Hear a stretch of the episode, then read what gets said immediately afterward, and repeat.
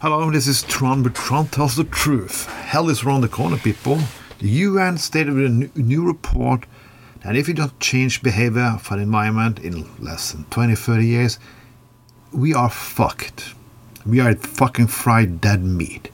If you like Mad Max and all those dystopian movies, where you think what happened during apocalypse or things like that, well, it can soon be true. Fill your basement with everything you need and just hope that you are the one who fucking survive. There are deadly mushrooms, there are new diseases, and there's new wars. Yes, China has entered the stage, Japan has also entered the stage, and United States always enter the stage, and we're all fucking doomed. Fascism in Poland, fascism in Italia, fascism in Hungary, crazy people in the Philippines, crazy people in China, Brazil, United States. Poland now says they don't want to let Russia win Ukraine, so they want to put their forces in. Turkey can soon be in flames, and the list goes on and go on and go on. Through this five or six, I don't remember, maybe seven years I've done this segment, I tried to spread, some optimism, said to you what you can do, what you should do, and what you not should do. Just to encourage you. You don't always have to agree with me, but give yourself something to do. Engage in something. But people don't engage in something. They're only angry when, yeah, like they're in France now when retirement age is going up, when their money cannot get that much in the shops anymore.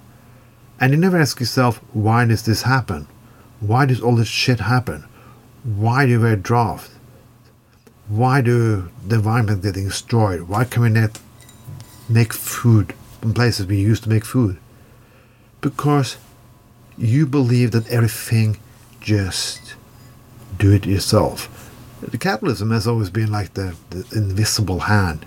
If you just let shit happen, it will fix work itself out. No, it doesn't.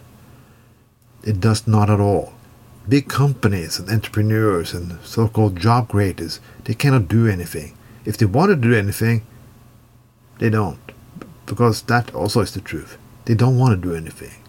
We are the only species, I think, I don't, uh, I can come up with it, who don't want to do anything about their own situation.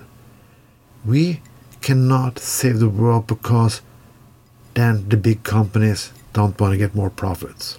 That's where we are. All the shit that happened to us now, we don't deserve it. Yes, or maybe we do.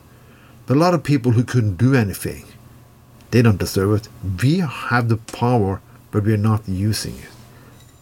That should be the statement and the graveyard stone of the human nature. We, they could have, but they didn't. And all the new species or things who find the remains of this fucking planet gonna ask themselves, why didn't they? They knew it. They had art who told them, every scientists who told them they had everything. They couldn't accomplish everything they wanted. But they didn't. Why? Because then the profits on people on Wall Street and the so-called job creators elite would go down. That is the tombstone of humanity. I don't. I hope maybe someday people will find these fucking segments and say, "Oh, at least one tried." But they also can say a lot of statements that a lot of people tried. The minority didn't listen. Can we do anything? Yes, we can. But I don't hold hope as high. It's election in Norway in September.